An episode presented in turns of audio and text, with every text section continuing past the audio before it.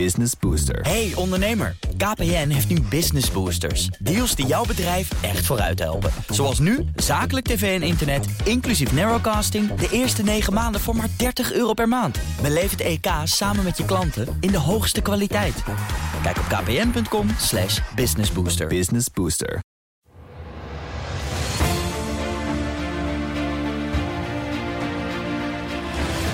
Voorlopig overheerst toch een beetje de, de hoon en het onbegrip. En dat gaat toch niks worden. Eh, ongeloof? Ze kunnen het zich niet voorstellen. Dit is Project Binnenhof. De politieke podcast van BNR Nieuwsradio. Wat gebeurt er in de wandelgangen als niemand kijkt? Met Laurens Boven en Sophie van Leeuwen. Een politieke aardverschuiving, het schaakspel in de wandelgangen van het Binnenhof is begonnen. En wij zijn erbij. Deze week verloor Rutte 3 zijn meerderheid.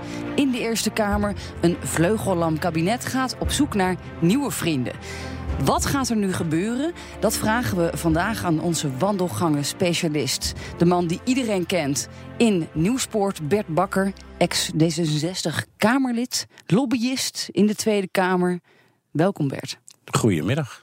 Aan mijn zijde uiteraard Laurens Boven, mijn collega van BNR. Hele korte reactie Bert op de uitslagen. Waar zat jij nou te kijken uh, op die uitslagenavond toen dit gebeurde? Vandaag is Forum voor Democratie ofwel de grootste, ofwel de gedeeld grootste, ofwel de één na grootste partij van Nederland geworden. Ik zat thuis en uh, de, eigenlijk voor de televisie zie je vaak het meest. Uh, dat geldt voor alle verkiezingen. Ik ga ook nog wel eens naar een verkiezingsavond van een partij toe. Uh, meestal dan van D66. Daar ben ik natuurlijk nog altijd lid van. Maar in dit geval thuis. En ik vond het fascinerend om te zien wat er allemaal gebeurde. En ja, het zijn ook inderdaad klimaatverkiezingen geworden. Maar toch een beetje anders dan Jesse Klaver zich had voorgesteld, denk ik. Hoe kijk jij daar dan als professional naar als je zegt van het fascineerde me? Nou ja, er is toch wel iets ongekends gebeurd. Het is bij mijn weten niet eerder voorgekomen dat een partij uit het niets de grootste werd in de Eerste Kamer. Uh, en daarmee potentieel ook een grote invloed heeft op het beleid. Alleen denk ik dat uh, binnen de coalitie men niet staat te trappelen om zaken met hem te doen. En dat hij ook zelf de verstandig aan doet om voorlopig die zaken helemaal niet te willen doen. Uh, omdat hij dan, ja, dan moet hij ook een profiel weer inleveren. Want dan, dan, gaat hij toch compromissen sluiten. En ik denk dat dit niet het moment is voor uh, Baudet. Als ik hem was, zou ik proberen voorlopig zo duidelijk mogelijk profiel overeind te houden. Hij heeft ook Op, gezegd, hè? eigenlijk gaat het hem om de, om de volgende Tweede Kamerverkiezingen. Exact, dus hij. Dus dit was een tussenstation voor hem. En die kunnen niet snel genoeg komen, lijkt mij. De vraag is of de coalitie hem daarbij gaat helpen. We willen met jou uh, even bespreken wat er op dit moment, zo vlak na die verkiezingen, achter de schermen gebeurt. Het flirten, het machtsspel in die achterkamers, sms'jes van Mark Rutte. Uh, onze collega Jesse Pinster sprak Rutte trouwens even hierover. Niet zoals bij landelijke verkiezingen dat alle leiders elkaar gaan bellen. Maar ik zie natuurlijk uit naar de contacten met hem ook in de toekomst en met zijn partij. Om te kijken hoe wij tot verstandige meerderheden kunnen komen. Heeft u de speech gehoord van de heer Baudet gisteren? Nee, nee. Helemaal niet. Hij ging nogal tekeer tegen u. Geloof... Ja, dat, God, dat zal wel. Maar... maar gelooft u dan werkelijk dat er samen te werken valt uh, op dossiers? We zoeken per onderwerp naar samenwerking en meerderheden. En als dat lukt, uh, is dat denk ik verstandig. En ik zou er ook op rekenen dat een partij die zo groot is geworden daartoe bereid is. Mits het natuurlijk ook inhoudelijk allemaal kan. Maar dat in ieder geval die bereidheid er is op onderwerpen. Zoals we dat ook doen met partijen ter linkerzijde van de coalitie. Maar ook uh, ter rechterzijde van de coalitie. Zoals dat hoort in Nederland. Het land van ja, uh, compromissen. U ziet wel ruimte. Nee, ik, ik, ga kijken wat, wat, ze gaan doen. Het is ook een kwestie natuurlijk van uh, hoe kijken ze er tegenaan. Ja, je eigenlijk zeg jij, Bert Bakker, dat gaat helemaal niet gebeuren. Nee. Onderhandelen. Maar uitgerekend voor Rutte, die, hij is natuurlijk ook nog leider van de VVD. En het is natuurlijk wel verstandig van hem om uh, ruimte open te laten om wel met Forum zaken te kunnen doen, omdat hij zichzelf anders en de hele coalitie anders uitlevert aan met name Partij van de Arbeid en GroenLinks. Want dan is er ook geen alternatief meer om tot meerderheden te komen. Dus hij heeft er wel belang bij dat, dat die Forum een beetje uh, bij zich houdt. Maar ik denk eerlijk gezegd dat hij er ook rekening mee houdt dat daar voorlopig echt geen zaken mee te doen zijn. Maar is het dan echt wat hij zegt, dat hij hoopt op de contacten, zoiets zegt hij toch? Uh, nee, want dat, dat, dat moet hij als premier ook wel zeggen. Vind ik ook wel logisch. Uh, want Nederland is natuurlijk altijd een, last van, een, land van, van compromissen en onderhandelen en oversteken. Maar uh, dat, dat zal met Forum voorlopig niet gebeuren. Dus hier wordt ook een rookgordijn opgetrokken door hem. Dus hij wekt de indruk dat hij wil, wel wil praten met, met Forum. Ja, en dan kan hij natuurlijk straks zeggen: ja, we hebben het wel geprobeerd. Maar de heer Baudet was daar niet voor thuis. dat, dat soort spelletjes wordt natuurlijk wel gespeeld. Maar dat proberen ze allemaal in andere oh, dus hij gaat dan met hem praten. Hij nodigt dan uit voor een etentje. Bij Soeboer, dat Indonesisch restaurant waar hij zo graag komt hier in Den Haag, ja, Rutte. Vast. En dan nodigt hij hem uit. Eigenlijk met de bedoeling dat zo'n gesprek vastloopt. Eh, ja, maar eerlijk gezegd kan ik me ook niet zo goed voorstellen dat met alle goede wil eh, zo'n gesprek niet zou vastlopen. Want uh, kijk, Baudet heeft, heeft de verkiezingen gewonnen op vier thema's. Klimaat, hij is tegen het beleid. Uh, uh, hij is tegen links. Uh, hij is tegen Europa. en hij is ook nog tegen migratie. Hè? Dus dat zijn de vier thema's. Nou ja, en op dat punt heeft, op al die punten heeft Rutte natuurlijk buitengewoon be weinig bewegingsruimte. Gelet op de opstelling van met name D66 en de ChristenUnie. Die erbij gebaat zijn dat er nu vooral met Partij van de Arbeid en GroenLinks zaken worden gedaan. En, en de vraag is dan vervolgens hoe lang die kruik te water gaat. Want of, of VVD en CDA de achterbannen dat blijven trekken, is natuurlijk zeer de vraag. De Baudet die ruikt natuurlijk de macht, die wil hard gaan onderhandelen, zegt hij. Ja. Jij zegt nou, dat, daar is eigenlijk geen ruimte voor. Luister heel even naar wat Baudet hierover zei. Nou, je begint denk ik door uh, met elkaar uh, om de tafel te gaan zitten... en uh, op persoonlijk vlak een beetje connectie te maken. En daarna ga je heel duidelijk kijken waar liggen de overeenkomsten, waar liggen de verschillen en hoe liggen de machtsverhoudingen qua zetels. Maar jij zegt dus eigenlijk valt er heel weinig te onderhandelen voor hem in die wandelgangen hier in Den Haag nu. Vooralsnog wel. Maar, maar kijk, als zijn positie blijft wat hij is, ook in de peilingen en we gaan op enig moment richting Tweede Kamerverkiezingen. En die zijn dan weliswaar pas over twee jaar. Maar over een jaar beginnen de dingen al in het teken van die Tweede Kamerverkiezingen komen te staan. Hè. Dus de coalitie wil in het komende jaar nog echt heel veel dingen afmaken en scoren. En de koopkracht verbeteren. En wat met het klimaat doen. En op alle mogelijke terreinen uh, vooruitgang boeken. Zodat ze dat straks ook aan de kiezer uh, kunnen laten zien.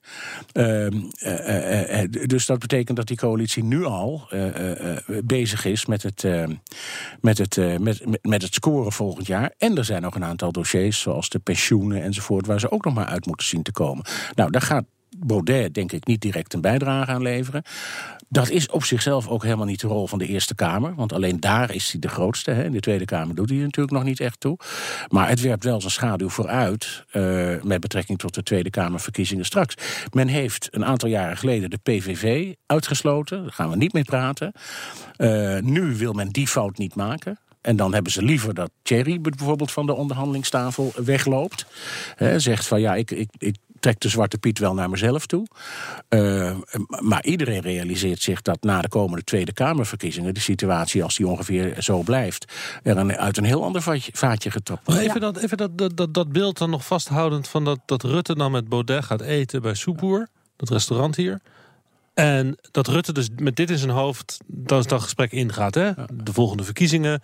Ik wil scoren. Ik moet hem nu eventjes uh, tegen de wand duwen. Zodat ik gewoon lekker met Klaver en Asscher deals kan sluiten. Nou, lekker. Ik denk niet dat hij dat zo lekker nou, vindt. Okay. dan nog. Uh, wat, is dan, ja, wat is dan de... Hoe moet Baudet zich daar dan opstellen? Want, want Baudet, die, die, je hoort net die quote. Hij denkt van nou, we gaan kennis maken en dan gaan we daar de, stap, de volgende stappen zaken doen. Terwijl ja. jij zegt, de eerste stap is voor Van Rutte, ik ga kennis maken om hem uh, vervolgens te kunnen parkeren.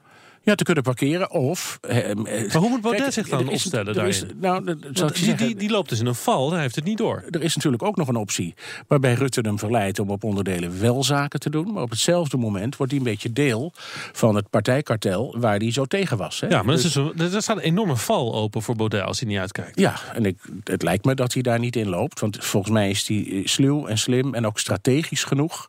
En anders wel mensen om hem heen. Ik geloof dat oud-staatssecretaris Henk Bleker hem tegen tegenwoordig adviseert. Ja, dat zijn allemaal, allemaal mensen die ook strategisch wel van wanten weten. Uh, maar natuurlijk zal men zijn best doen om hem ofwel in te kapselen of te isoleren. En hij wordt nog niet voor vol aangezien. Maar dat kan ook haast niet, omdat hij in de Tweede Kamer natuurlijk nog maar heel weinig uh, gewicht en, en mensen heeft. Maar is het ook niet zo, Bert, dat juist Forum uh, Rutte in, in de armen werpt van de linkse oppositie. Die heeft geen keus meer dan zaken te doen met GroenLinks, PvdA. Wordt veroordeeld tot een nog linksere kabinet. Ja, dat is nou toch een risico? Het heeft mij wel verbaasd, eerlijk gezegd. Je zag het vorige week al, voor de verkiezingen, bij uh, de doorrekeningen van het klimaat. Hè. Er was, uh, nou ja, wat was het? Binnen een paar uur lag er ineens een CO2-heffing op tafel, waar VVD en ook CDA tot dan toe tegen waren geweest. Uh, nou, hoeft niet, even niet op dat onderwerp door te gaan, maar ineens werd er op dat punt echt een ruk naar links gemaakt, in ieder geval in het beeld. je hoorde dan ook op het bedrijfsleven piepen en knarsen. en de vraag is, gaan we dat gaan we dat meer meemaken. Want wat gaat Ascher op zijn terreinen of Klaver op zijn terreinen eisen?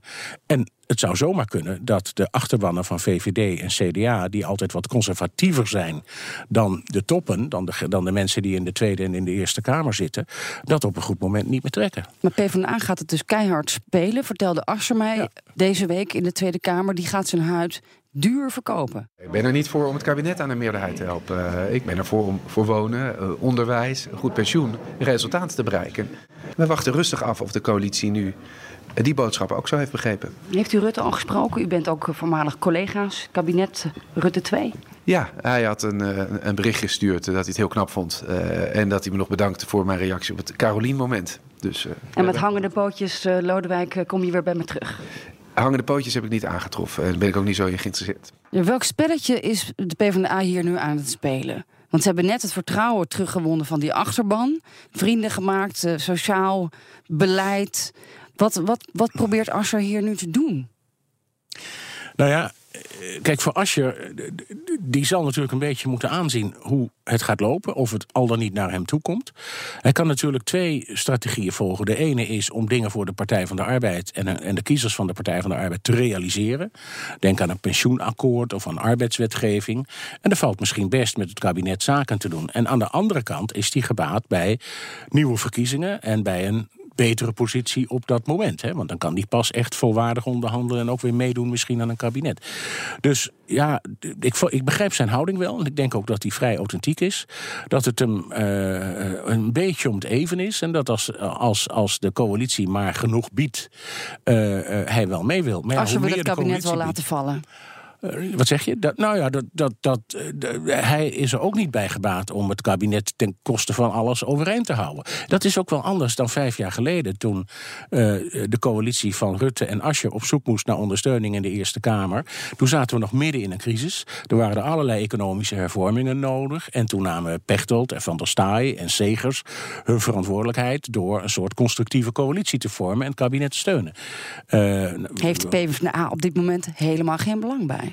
Geen belang bij en het is ook niet zo hard nodig. Dus ze kunnen gewoon rustig afwachten uh, uh, of het kabinet komt. Overigens, ik, ik, ik hoorde zeggen, uh, het zal met wisselende meerderheden gaan. Hè? Dat hoor je ook verschillende politici zeggen. Ja, dat kan misschien op sommige onderwerpen het geval zijn. maar als het onderwerpen zijn die bijvoorbeeld grote consequenties hebben voor de overheidsuitgaven. Denk aan een pensioenakkoord voor de AOW of voor de pensioenpremies. Fiscale gevolgen daarvan, koopkrachtgevolgen daarvan dat zijn allemaal samenhangende dingen.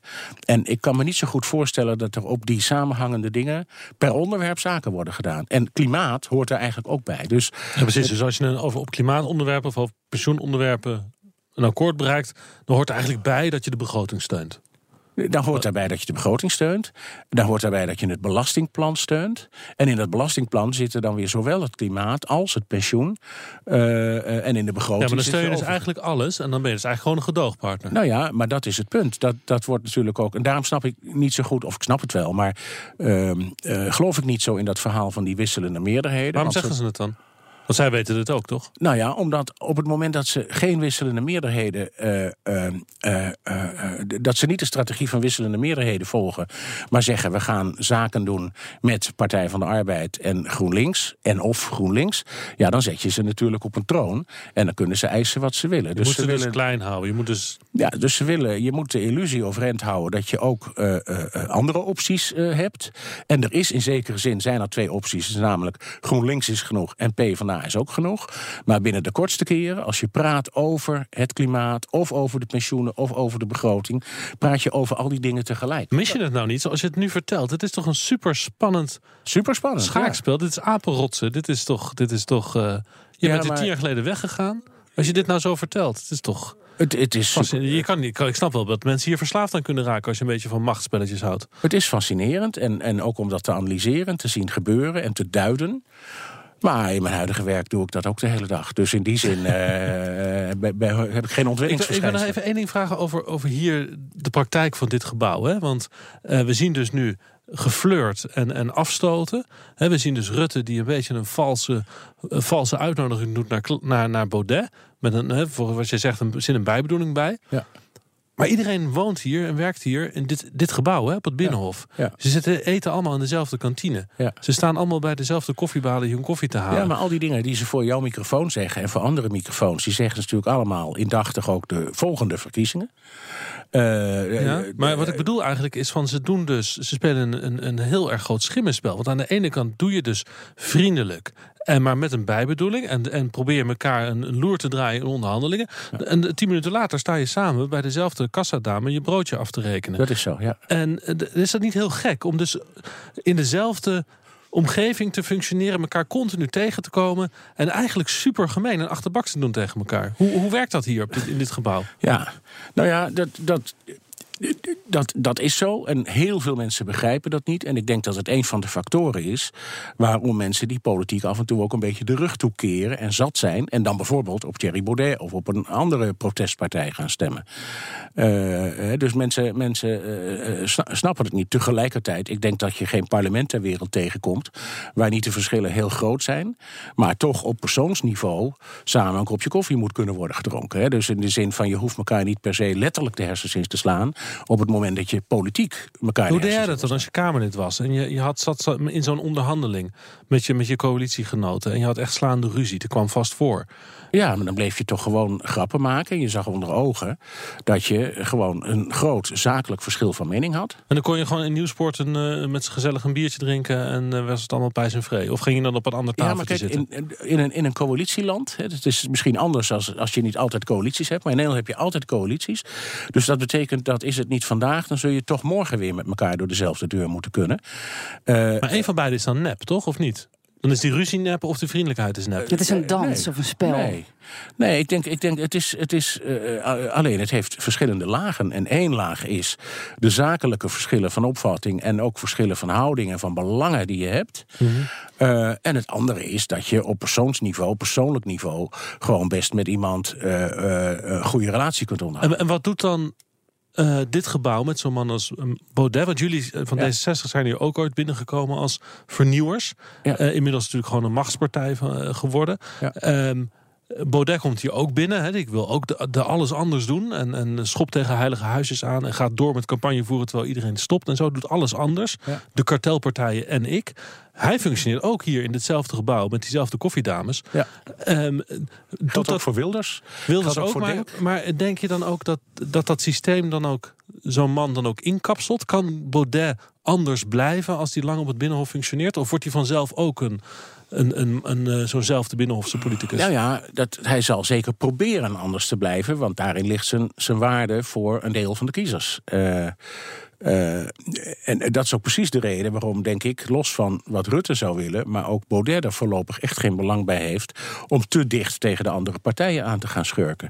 Hij moet een beetje het enfant terrible blijven, zowel inhoudelijk als, eh, als qua, qua opstelling en qua houding. Want anders. eh, Nee, Nieuwsport zie je hem nooit. Je hebt hem nooit, nooit in Nieuwsport gezien, denk ik. eh, nee. Wel eh, op, op de terras hier op het plein. eh. Maar er zitten wel heel veel VVD'ers in Nieuwspoort. Die spreek jij natuurlijk ook.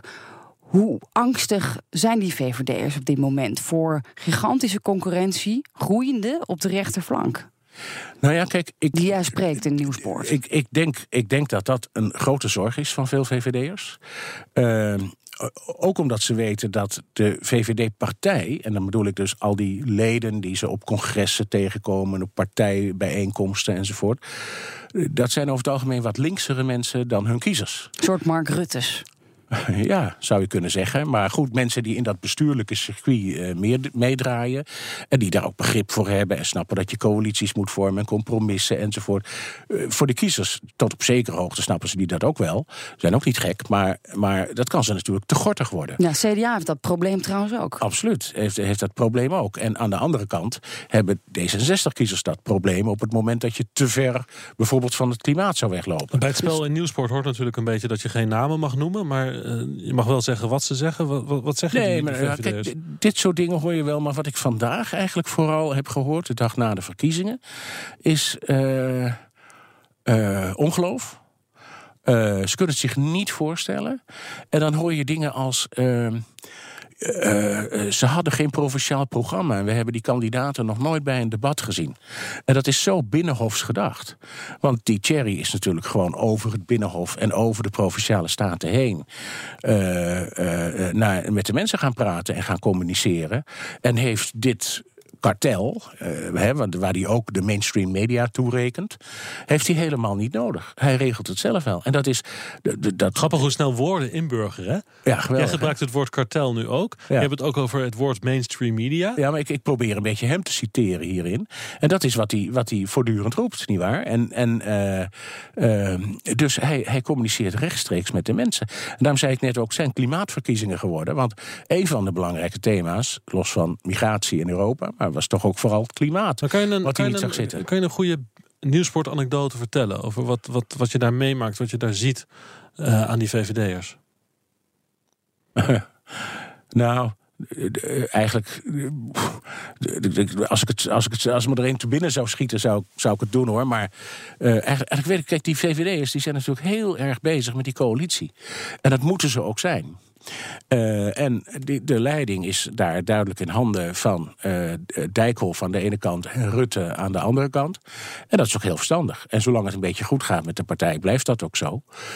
Eh, dus ik hoor andere VVD-Kamerleden eigenlijk niet zozeer praten over al dit soort van strategische eh, afwegingen. Maar ze snappen natuurlijk heel best hoe, hoe, hoe de zaken gaan. En in dat licht moeten zij hun werk doen. Maar hun werk bestaat er vooral uit, net als dat voor CDA en D66 ChristenUnie geldt, om eh, elkaar goed vast te houden. En om te zorgen dat de meerderheid altijd op tijd in de bankjes zit om de hand op te steken. En eh, eh, eh, heel, veel meer dan dat is het niet. Ja, natuurlijk voeren ze hele gewichtige debatten over allerlei onderwerpen. Maar dat zit allemaal in dit kader. En nu is het kader veranderd, want de Eerste Kamer heb je niet meer automatisch aan je kant. Dus dat zal ook voor hen grote betekenis hebben. Maar hoe precies? Voorlopig overheerst toch een beetje de. En niet alleen bij de VVD maar gewoon overal een beetje de hoon en het onbegrip. En dat gaat toch niks worden. Maar ja, dat zeiden ze ook bij D66. En ze zeiden bij de Boerenpartij en bij Pim Fortuyn en nu bij Thierry. En soms wordt het wel wat en soms niet. Dus in die zin moet je dat nog wel even afwachten. Maar. eh, eh, eh, partijen zullen snel genoeg, denk ik, geconfronteerd worden met de harde werkelijkheid. dat wetsvoorstellen sneuvelen in de Eerste Kamer. omdat Baudet er geen zin in heeft. Ja, trouwens, de Dijkhoff van de VVD die is daar weer eens heel erg laconiek over. Die haalt zijn schouders op. Hier en daar een wetje aanpassen. Luister even wat hij zei. Ik denk dat het goed is om ook te laten zien aan de samenleving dat je het open gesprek met iedereen eh, voert, met alle partijen die dat willen. Dat je ook die partijen eh, laat zien, de kleur laat bekennen of ze verantwoordelijkheid willen nemen of niet. En of eisen of vragen die ze hebben of wensen, of die eh, reëel zijn of niet. Ik heb al gisteren ook al gezegd, als je binnenkomt en zegt je moet eerst drie ministers naar huis sturen voordat er gepraat kan worden, ja, dan hoef ik het koffieapparaat niet aan te zetten. Eh, want dat zijn geen zaken waar, waar je over gaat bij elkaar als partijen. Als er partijen zijn die zeggen, nou, ik heb, ik heb nog wat dingen aan te passen, ik zou graag eh, wat anders willen aan die wet en het is redelijk en je kunt er als coalitie mee uitkomen, moet je dat doen. En als er bij een volgende wet een andere partij is waar dat redelijker mee kan, eh, dan moet je dat, eh, dat ook doen. Ja, Dijkhoff doet het altijd een beetje alsof zijn neus bloedt. Ik vraag me af, Bert, hoeveel mensen jij nou spreekt hier op het Binnenhof... die er rekening mee houden dat dit kabinet deze machtsverschuiving niet overleeft?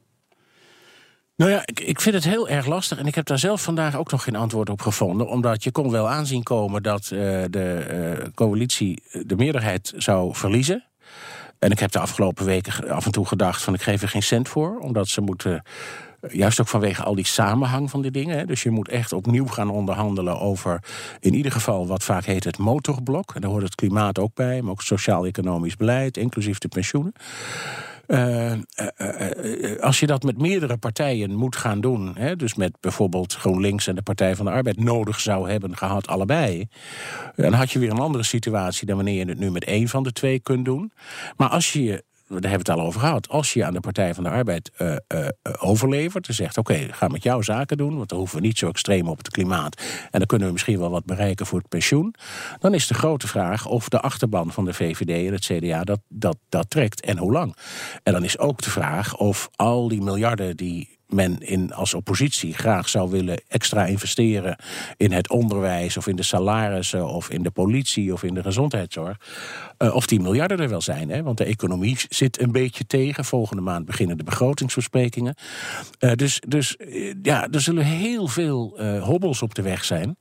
en dan is de vraag, en dat vind ik lastig te beoordelen nu, hoe groot de wil is uh, om uh, de eindstreep te halen. Ook, ook gelet op het feit dat geen van de andere partijen, behalve GroenLinks en Baudet, belang hebben bij nieuwe verkiezingen. Maar wat zijn de scenario's die jij hoort? Hoe groot is de wil om de eindstreep te halen? Bij bijvoorbeeld nou, ja, kijk, bij, de, bij, de, bij de VVD is die eindstreep groot. Want Rutte wil natuurlijk een tweede kabinet. Hè, dit is een derde kabinet, maar de eerste viel. En de, de, dit wordt dan het tweede kabinet dat de eindstreep zou halen. Dat wil hij natuurlijk graag bereiken. Dat snap ik ook wel. Uh, maar ook als je is... daarmee uh, een enorm gat op rechts moet laten. Nou ja, maar dat is het punt. Kijk, als, als, als in de peilingen uh, blijkt dat VVD en CDA leeglopen, CQ verder leeglopen naar eh, Baudet. En misschien dat is aan de orde. ook wel aan de PVV. Nou ja, dat, dat is gisteren gebleken. Maar de vraag is, hoe gaat het dan verder? Uh, en, en, en, partijen die het goed doen bij verkiezingen... hebben de neiging om daarna nog wel een poosje door te groeien. Dus ja, ze zullen ook de rechterflank goed in de gaten moeten houden. En als D66 en ChristenUnie te hard naar links willen opstomen... wat ze misschien in hun hart graag zouden willen... dan weten ze dat ze verzet krijgen van VVD en CDA. Hoeveel en, dat, die... en dat moet natuurlijk die coalitie in eerste instantie intern uitzien te komen. En daar zit wel een groot probleem. Hoeveel kunnen die partijen eigenlijk daar dan zelf op sturen? Of is het gewoon een beetje, weet je, het schip uh, gaat mee op de golven en je moet zorgen dat je niet tegen de klippen loopt? Of kan je daar echt strategie op maken? Nou, daar kan je absoluut strategie op maken. Maar die strategie. Dan? Wie doen dat dan bij? Nou, die strategie wordt natuurlijk primair per partij gemaakt en wordt op twee manieren afgestemd tussen de premier en de vicepremiers. En natuurlijk ook wel in de hele ministerraad, maar toch, dat is het belangrijkste. Uh, en eh, binnen de coalitie in het, uh, maandelijks, of het uh, wekelijkse coalitieoverleg. Daar proberen ze dat weer op elkaar te plakken. En daar kunnen ze ook best afspreken van, nou ja, wij vinden het niet erg als jullie wat harder die kant op lopen, maar dan gaan wij wat harder die kant op lopen. Hè. Dat soort deals worden ook wel gesloten. Ja, dat snap ik wel, want iedereen wil zijn profiel een beetje overeind houden. Maar of de kiezer dat nog snapt, is natuurlijk de vraag. Je hebt het heel vaak meegemaakt, hè? Dat, niet. Dat, ja. je, je hebt een coalitie gezeten, je hebt een oppositie gezeten werkt dat? Het vaststellen van zo'n strategie en die dan uitvoeren. En wat gebeurt er dan? Ja, je moet hem alleen voortdurend bijstellen. Uh, omdat de werkelijkheid voortdurend verandert. Heb je daar een voorbeeld van? Uh, nou ja, kijk, uh, ik herinner me heel goed, het was mijn laatste jaar toevallig, de hele discussie over gaan we wel of niet naar Uruzgan in Afghanistan om daar een missie te gaan doen een vechtmissie of een vredesmissie. Dat was eh, zo'n beetje de discussie. Ja, die situatie veranderde met de dag. Zowel de feiten op de grond in Oeruzgan... als de feiten op de grond in de verschillende partijen... Uh, als de machtsverhoudingen ook binnen D66. Want het was een lastig jaar. Nou, gaat te ver om daar nou helemaal op in te gaan. Maar je moet dus elke dag word je geconfronteerd met nieuwe feiten... en ook vaak met onzekerheden. Uh, want je hebt niet alles in de hand. Alleen je kan wel een startpunt en dat hebben die fracties natuurlijk vandaag allemaal ook maar gedaan. Dan, een startpunt formuleren waarbij je zegt... oké, we gaan die kant op manoeuvreren. Begonnen dan al jouw werkdagen hier in Den Haag... met van even met de top van de partij bij elkaar van... oké, uh, dit was het masterplan, dit gebeurt er vandaag. Hoe, hoe zorgen we ervoor dat we de dag overleven? Nou, niet alle werkdagen, maar, maar toch eh, zeker tijdens campagnes wel. Hè, dus voorafgaand aan de verkiezingen. En zeker ook tijdens formaties wel. En dat is nu met deze coalitie... En dat is nu, en dat is nu weer aan de orde. En bovendien heb je meerdere keren per week dit soort van overleg. Dus aanstaande maandag is ook weer de vraag voor de, de coalitieleiders... of de fractievoorzitters, hoe gaan we deze week overleven? Ja, en hoe gaan we het nou echt doen? Want wisselende meerderheden, we doen de pensioenen met de PvdA en het klimaat met GroenLinks. Ja, dat wordt twee keer uitdelen, eh, hè, om het zo te zeggen. Maar dat, dat is dan twee keer een probleem voor de minister van Financiën... en waarschijnlijk ook voor VVD en CDA. Ja, maar dat betekent dus ook dat zo'n coalitie eigenlijk continu instabiel is. Dat hij continu zorg he- nodig heeft om te zorgen dat hij. Nou ja, dat hij, dat hij constant moet bijstellen. Maar zolang verhoudingen goed zijn en zolang men de voordelen van de coalitie groter vindt dan de nadelen ervan. Ja, exact. Maar zodra men niet meer met elkaar praat, is het gebeurd. Nou, nou, het op, ja. Maar gaat D66 ook nog wat de, de, inleveren? meeste, de meeste kabinetten en coalities vallen eerder in het kabinet dan in de Kamer. Maar goed, dus eh, dat, het kan op allebei manieren. Ja. Oh, hoe gaat het in het kabinet? Is het eh, nog Nou, gezellig? ik- wat ik begrijp, maar dat, dat spreek ik natuurlijk ook niet elke dag. Maar, maar wat ik begrijp is het in het kabinet best eh, gezellig. Eh, maar is de verhouding tussen de partijen af en toe wel heel gespannen. Eh, omdat, ja, dat is op zichzelf ook niet raar. Er zijn natuurlijk hele verschillende partijen. Alleen al D66 en de ChristenUnie, D66 en de VVD, VVD en CDA. Toch allebei een beetje in dezelfde vijver. Maar het CDA heeft ook een linkervleugel, die weer wat meer op de ChristenUnie gaat. De ChristenUnie die vaak naar de Partij van de Arbeid gaat. D66 die naar GroenLinks kijkt. Ja, we hebben bij een van onze eerdere podcasts hebben we daar met Apple Bruins over gesproken, hè, Ja. Kamerlid van de ChristenUnie. En in jouw tijd was er hier nog geen WhatsApp. Maar hij heeft ons toen verteld dat hij lid is van 37 WhatsApp-groepjes binnen de coalitie die continu piepen, omdat er dus continu overleg is in Ja. al die appgroepjes. Ja, zo is het. Zo is het. Dus inderdaad, in onze tijd was er nog geen WhatsApp. Maar dat overleg was continu. En dat ging soms gewoon over een wetsvoorstel. En daar was je, kon, je, kon je weken of maanden mee bezig zijn hoor, om daar dan samen uit te komen. Wat is nu de eerste hobbel? Je had het net over hobbels. Wat is nou de eerste hobbel die deze coalitie, deze nieuwe situatie moet nemen? Nou, er liggen de komende maand volgens mij twee grote hobbels te wachten. Eén is de verdere uitwerking van het klimaatakkoord. En de tweede is de begroting 2020. Eh, inclusief alle fiscale en koopkrachtgevolgen enzovoort. En, eh, en dat dan in een klimaat waarin mensen, nou ja, eh, sterker dan ooit tevoren, denk ik, hun onvrede met de bestaande situatie hebben laten blijken. En wat is nou jouw voorspelling? Denk je dat, dat ze het gaan redden? Nou ja, weet je, ik, ik, ik, ik denk dat het heel moeilijk wordt. En ik denk dat naarmate verkiezingen dichterbij komen, de datum van verkiezingen die voorlopig over twee jaar staat, eh, dichterbij komt ook, ook de zenuwachtigheid eh, toeneemt. Je moet natuurlijk niet uitsluiten dat de kiezer eh, alsnog weer, hè, zowel de partijen aan de linkerkant van de coalitie als aan de rechterkant van de coalitie, wat hoger gaat waarderen. Hè. Alles is mogelijk, zelfs wonderen. Eh, maar het, het, de, de krachten die eraan trekken, eh, eh, eh, de electorale krachten moet ik zeggen, die eraan trekken, die zijn wel heel groot.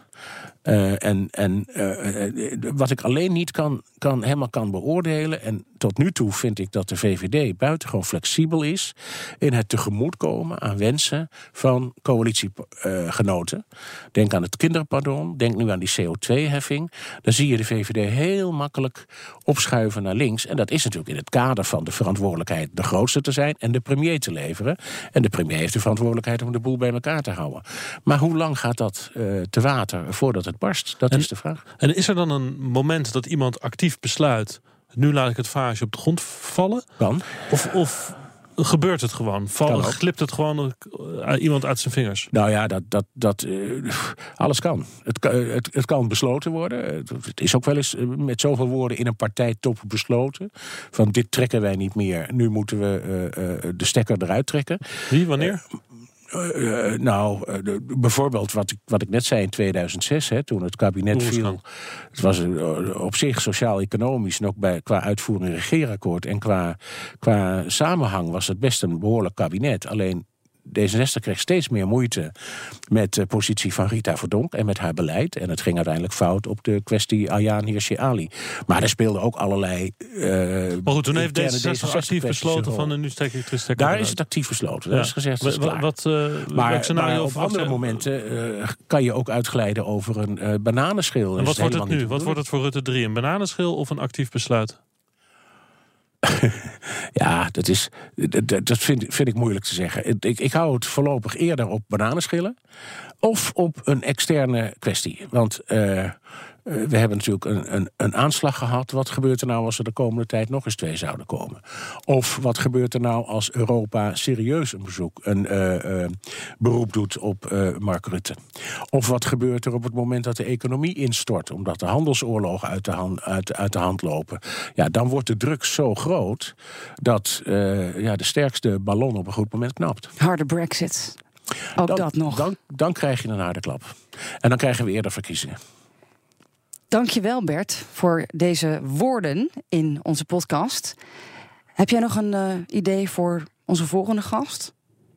Oh jee, oh, dat is. Nou. Nou, ja, zou... wie we eigenlijk altijd willen hebben, dat zijn de mensen die natuurlijk zo dicht mogelijk erbij zitten ja. bij wat er deze week gebeurt. En in dit geval gaat dat niet, want die onderhandelingen eh, in de achterkamertjes en niemand wil uit de achterkamertjes komen om bij ons uit te leggen wat er in de achterkamertjes gebeurt. Dat snap ik. Maar, waarom zou je niet eens een, een Annabel Nanninga of een Paul Cliteur... die nu straks voor Forum in de Eerste Kamer komen, uh, ondervragen? En, en uh, het zou mij zeer benieuwen hoe, hoe ze zich opstellen. Uh, en, ja, en, en met name of ze ook van plan zijn om partner te worden in het hele politieke bedrijf.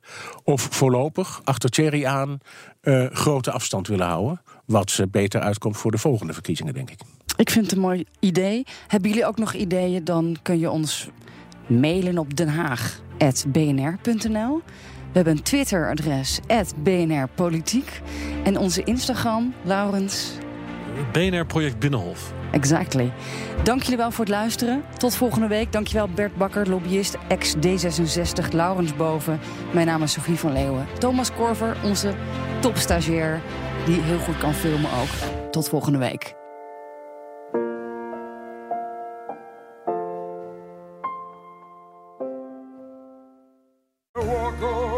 Hardlopen, dat is goed voor je. En Nationale Nederlanden helpt je daar graag bij. Bijvoorbeeld met onze digitale NN Running Coach... die antwoord geeft op al je hardloopvragen. Dus, kom ook in beweging. Onze support heb je. Kijk op nn.nl slash hardlopen.